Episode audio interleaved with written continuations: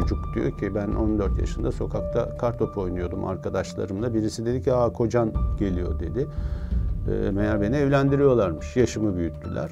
Yani bu bu çocuk gelinlerde yaşa o, o experience, o deneyimi yaşayanlarda büyük psikolojik sıkıntılar var. Çok büyük bir psikolojik, çok büyük çok büyük bir ahlaki bir şey var orada. Yani esasında saldırı var. Yani onun bedenine, onun ruhuna, onun yaşamına.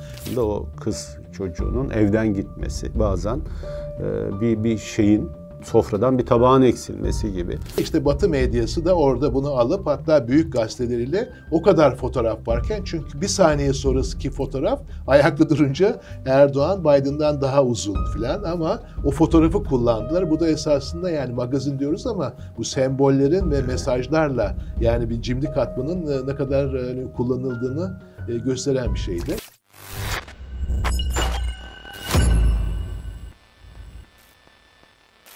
Mevcut durumda 18 yaşından önce evlilik çok özel şartlara bağlı medeni kanuna göre. 17 yaşındaki erkek ve kız çocuklar ancak ebeveynlerinin izniyle evlenebiliyorlar. Tabii kendi onayları olacak. 16 yaşındakiler ise e, hem ebeveynleri izin verecek hem mahkeme kararıyla özel bir durum gösterilerek evlenebilecekler. E, dünya genel tanımına göre 18 yaş altı çocuk kabul ediliyor. Dolayısıyla da 18 yaşın altındaki her evlilik çocuk evliliği kabul ediliyor ve bu özellikle kızlar, genç kızlar için büyük bir e, sorun haline gelmiş durumda dünyanın birçok bölgesinde ve çocuk evlilikleriyle bu anlamda mücadele ediliyor. Türkiye'de aslında son 10 yıldır özellikle bu alanda çocuk gelin konusunda mücadele ediyor ama ciddi bir sorun olmaya da devam ediyor. Son 10 yılda 40 binlerden öyle 18 yaş altı evlilikler 20 bin altına düşürülmüş durumda ama 20 bin altı bile büyük bir rakam. Çünkü çok acıklı hikayeler var. Aslında bir kişi bile e, büyük bir rakam. Çocuk gelin meselesi Türkiye'nin hep gündeminde olan bir mesele. Bir de bir yanıyla da belki bazen ya bu acaba olsa mı burada mağduriyetler mi var e, falan burada biraz daha mevcut yasaları gevşetsek mi diye de bir bakış açısı karşımıza çıkabiliyor. Ne dersin bu 20 binin altındaki sayıyı daha da aşağıya indirmek için neler gerekiyor ya da durumu nasıl anlıyorsun? Yani burada esasında büyük bir trajedi var. Kabul edilmeyecek bir durum var. Birleşmiş Milletler'in e, bir sloganı var son iki yıldır e, kullanılan. Biz çocuğuz, gelin değiliz e, diye. Bu çocuğuz, gelin değiliz e, sloganı içinde düşünmek de lazım.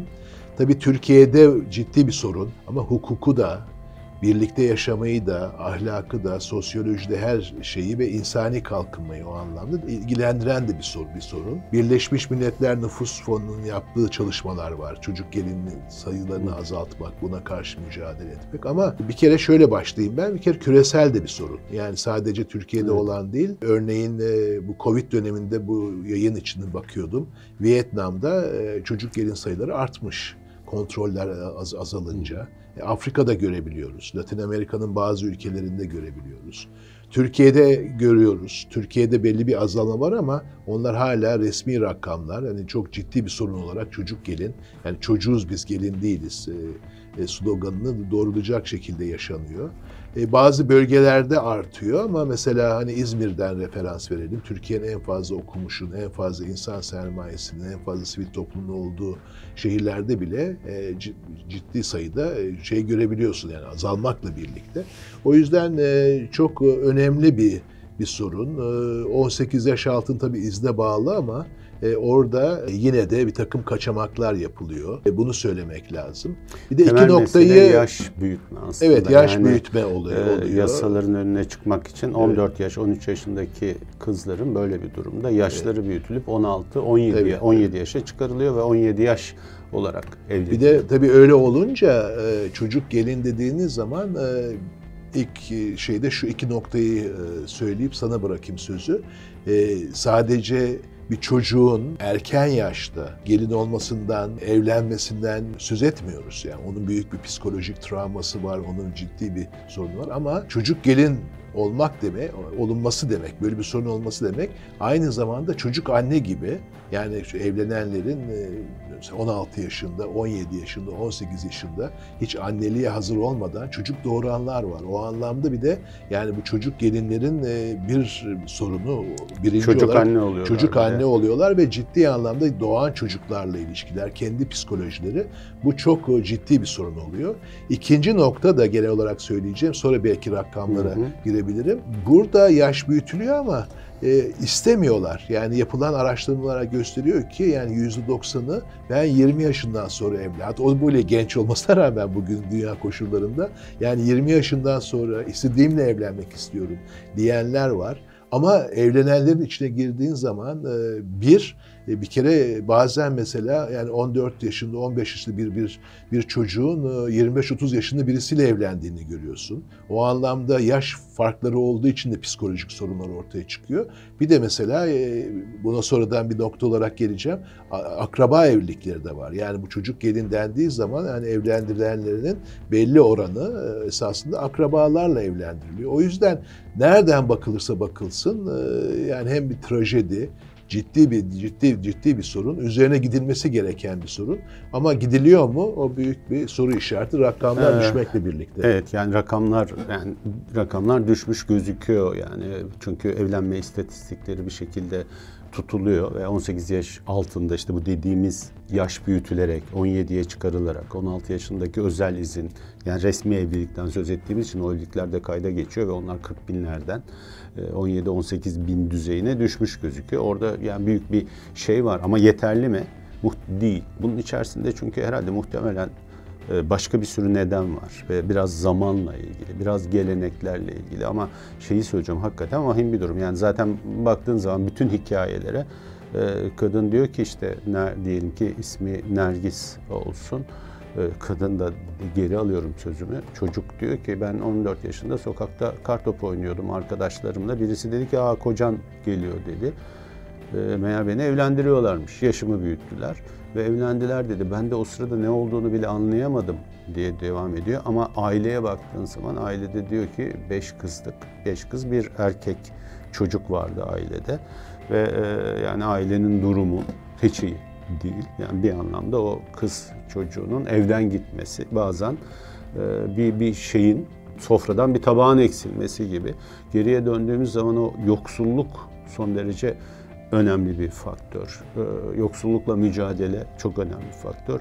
Onun bir parçası tabii eğitim aslında 14 yaşındaki insanın okulda olması lazım ve eğitiminin de normalde 21 yaşına, 22 yaşına kadar devam ediyor olması lazım ama eğitimsizlik de okullaşamama da orada bir sorun. Onun arkasında gene yoksulluk var. Bunlarla mücadele kritik şey. Tabii bir, bir yanıyla gelenek de demeyeceğim. Ben aslında şöyle bir zamana baktığım zaman bambaşka bir açıdan baksan yani mesela Yeşilçam'daki bizim çok beğendiğimiz, çok sevdiğimiz kadınların hepsi de Yeşilçam'a 14, 15, 16 yaşlarında girmişler ve o sıralarda ya zengin bir iş adamıyla bir yönetmenle evlenmişler. Bir de orkadan gelen bir garip yani bu tarafta da olduğu gibi öbür tarafta da bir, bir takım gelenekler var. Ve o geleneklerle mücadele, onun değiştirilmesi, zamana uydurulması da e, önemli bir mücadele alanı.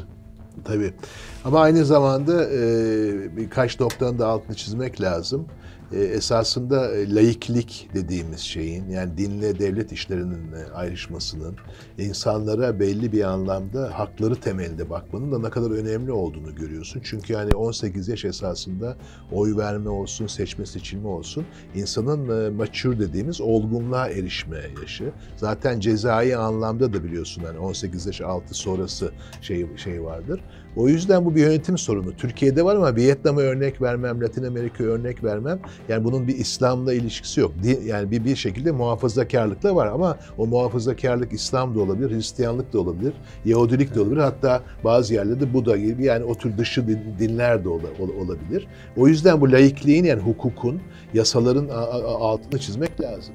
Ama tabii yasalarla olacak değil çünkü hakikaten senin söylediğin gibi yoksullukla ilgili. Mesela Z kuşağı, alfa kuşağı bir sürü e, programlar yapıp konuştuk. İşte mesela çocuk gelinler esasında o kuşakları da konuşmak lazım. Onları ilgilendiriyor çünkü onların bazıları daha kart top oynarken hani e, daha bir şey düşünmeden birdenbire kendisinden yaşlı birisiyle evlendiriliyor ki bu mesela hani bakılıyor Türkiye'de yani 100 çocuktan 15'i çocuk yaşta evlendiriliyor. Bu bunlar şey istiyorlar yani ben 20 yaşından sonra da kendim isteğimle evleneceğim diyorlar. Bu 10 tane çocuk gelin varsa bunun mesela e, şeyi 3 tanesi akrabalarıyla evlendiriliyor.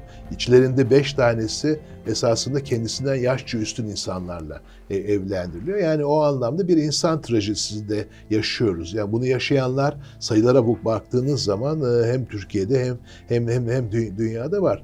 Fakat e, ekonomi tabii ki önemli, eğitim tabii ki önemli. E, e, burada buna karşı ne mücadele edecek? Belki biraz ondan da bahsetmek lazım ama başlıklı olarak vereyim. Senin fikirlerini alıp sonra kendim söyleyeyim. Bunlardan bir tanesi e, Türkiye'de son dönemlerde bununla ilgili e, yasalarla bir düzenlemeye gidilmek istendi ama son dönemlerde biraz bu çocuk gelinleri yapmamızın da nedeni tekrardan infaz yasalarıyla acaba hani bunlar hani bir cinsel istismar varsa ya da diğer sorunlarda da hani evlenirlerse o zaman sorun çözülür çözülür gibi bir de yani yasal düzenlemelerde gerileme var Türkiye'de. O yüzden de biz çocuk gelinler sorununu, yani onlar çocuk gelin değil temelinde çözmeye çalışırken esasında yasalarda da bir gerileme var Türkiye'de. Onun da altını altını çizmek lazım. Yani geçmişteki son dönemde çıkan yasalar fena değildi ama acaba geri adım atılabilir mi gibi e, bu yeniden bir tartışma başlayacak. Yani şu anda Türkiye'nin sorunları çok ciddi olduğu için bu çocuk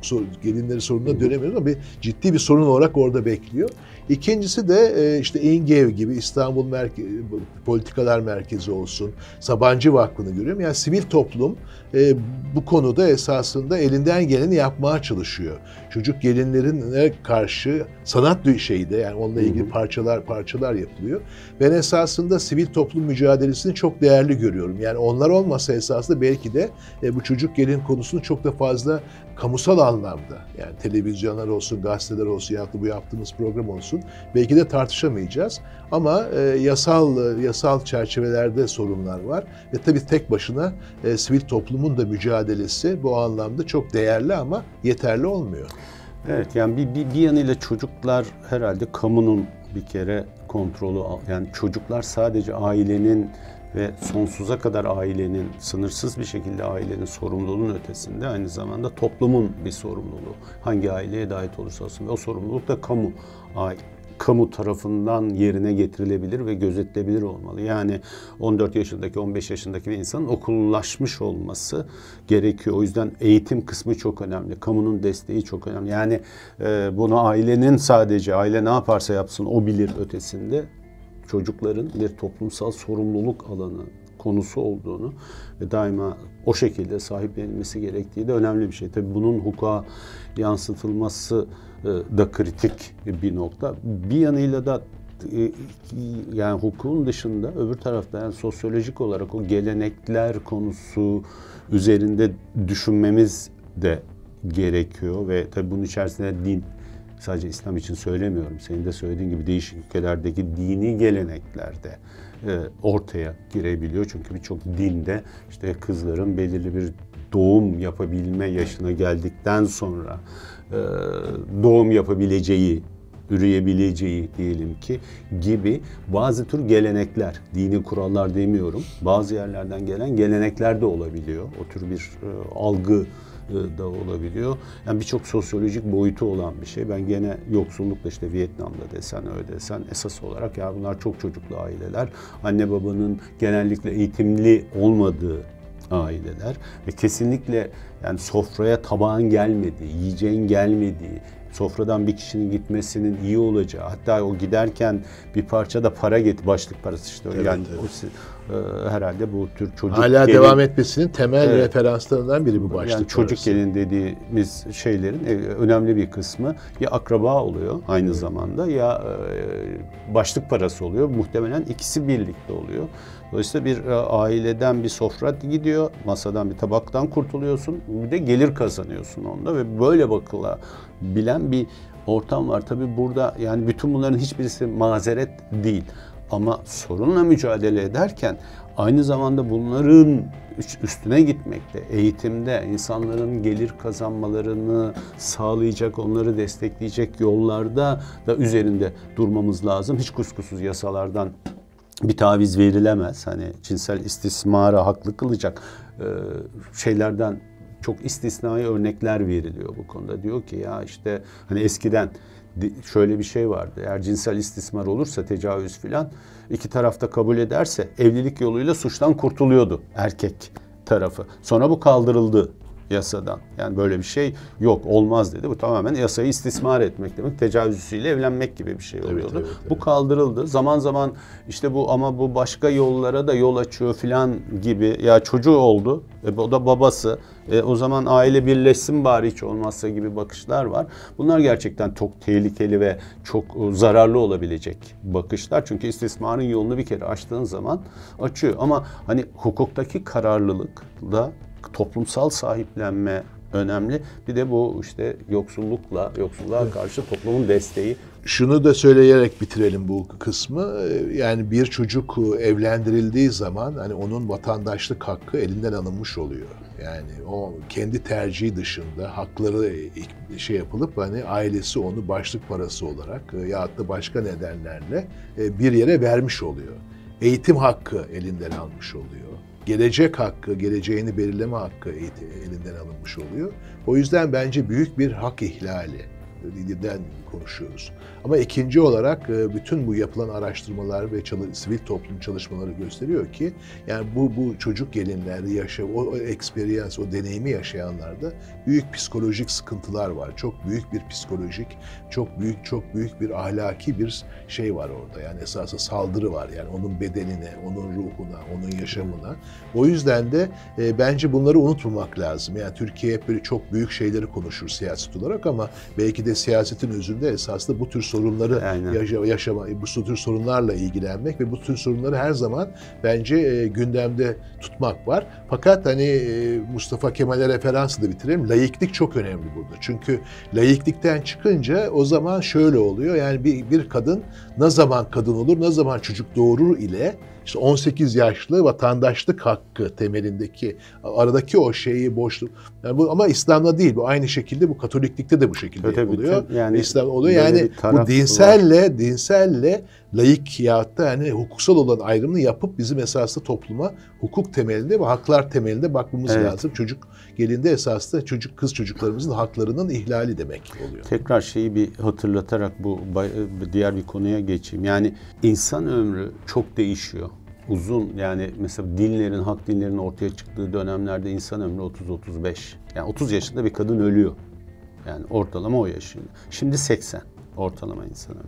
Dolayısıyla bütün her şey bir kere değişmiş durumda. Yani onu fark etmek gerekiyor. Yani 80 yaşında yaşayan, 80 yıl yaşayan insanların olduğu bir dönemdeyiz. Dolayısıyla hani e, bundan işte diyelim ki 2000 yıl önce, 1800 yıl önce olan biten bazı hadiseler, dinler açısından da söylüyorum, din kültürü açısından da söylüyorum.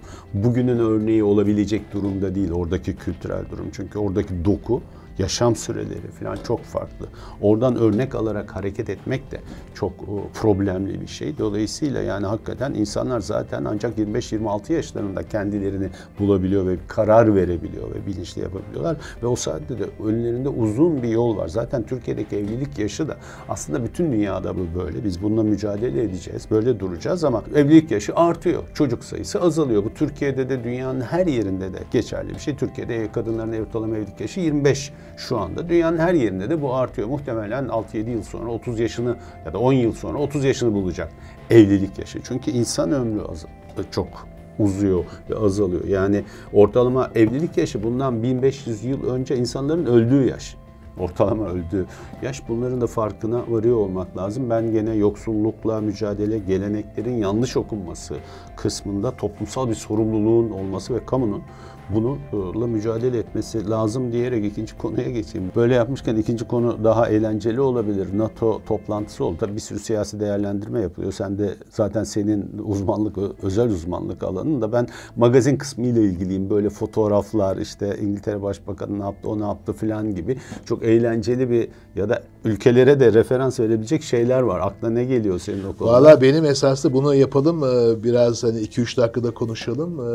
Yani tabii ki Biden'ın Avrupa zirvesi işte bir işte önemli NATO zirvesi oldu. Erdoğan, Cumhurbaşkanı Erdoğan'la görüşmesi oldu. Putin'le görüşmesi oldu. Bunların hepsine baktığın zaman hani bir çok konuşuldu ama bir de onun yanında işte fotoğraflar var, biraz magazini var. Yani oradan çıkan semboller var. Ben kendi açımdan üç tanesini söyleyeyim sana. Bunlardan bir tanesi meşhur böyle bir Blues Brothers ya da Man in Black diye bir şey vardır, film vardır. Boris Johnson İngiltere şeyi başbakanıyla şeyin Biden'ın bir İngiltere'de deniz kenarında o ilk, ilk Y7 zirvesi İngiltere'de oldu. Deniz kenarında denize bakaraktan siyah takım elbiseleriyle olan ama Biden'ın da eli e, Boris Johnson'ın e, omuzunda bu bir böyle baba oğul gibi Amerika İngiltere stratejik ortaklık dış politikada o fotoğraf çok konuşuldu. Bence magazin olarak da hani şeyin Biden'ın babacan ama aynı zamanda hani Amerika senden üstündür diyen böyle bir Men in Black Blues Brothers türü bir şey oldu. İkinci benim e, ilgimi çeken fotoğraf e, bu G7 zirvesinin bitiminde e, şey oldu yani G7 şeyleri resimleri çek, çekildi. Orada Kanada yani tabii resim çekilirken maskesizlerdi. Ben Kanada'yı biraz biliyorum. Kanada Başbakanı Trudeau evvelden biliyorsun çiçekli çoraplarıyla konuşulmuştu. Bu sefer de Kanada'da şöyle bir tartışma çıktı. Ya bu adam maskesiz resim çektiriyorsa döndüğü zaman biz hepimiz karantinaya giriyoruz. Yani başbakan karantinaya girsin mi girmesin mi girmesin mi diye. Öyle de yani ins- insanların dikkatleri. Bir de üçüncü olarak hani onun tabii Financial Times, New York Times'ı eleştirmek de lazım.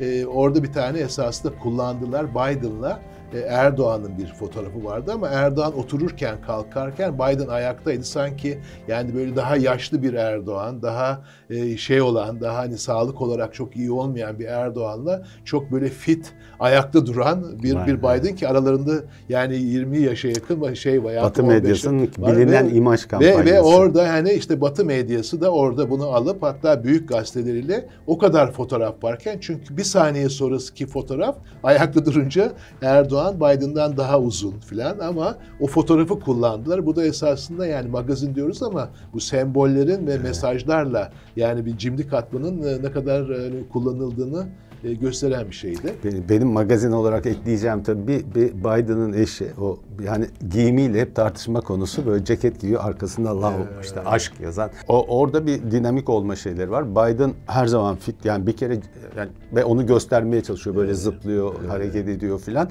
ama ceketine filan da dikkat ediyorum. Hakikaten slim tür evet, ceketler evet, var. Yani yorgun gösteren ceketler değil böyle daha dik dözen göz, gözlükler. Boris Johnson çok eğlenceli bir adam evet. gözüküyor ki hani o şey gibi bizim şirket toplantıları olurdu böyle bir çeşitli ülkelerde. Sonra bir sürü insan böyle akşam olsun toplantı bitsin de hemen sevgilisiyle falan gelmiştir. Plaja gidelim, gezelim falan diye onu bekler. O tam işin orasında. Bu da herhalde arkada devlet o kadar kurumsal ki yani İngiltere devleti falan öbürleri telaş içindeyken o işte sevgilisiyle, karısıyla el ele dolaşıyor. Manş denizinde Ama biraz böyle yüzüyor. love story gibi hani onun mayoyla çıkıp evet. yani eşi de yeni evlendi biliyorsun. Evet. O daha böyle hani 1960'ların hippie el kıyafetiyle gelip sarılmaları da ilginç bir şeydi. Evet hepsi ülkelerin aslında karakteriyle ilgili. Evet, Birisi evet. ben ne kadar dincim diye evet. Amerika'ya mesaj veriyor.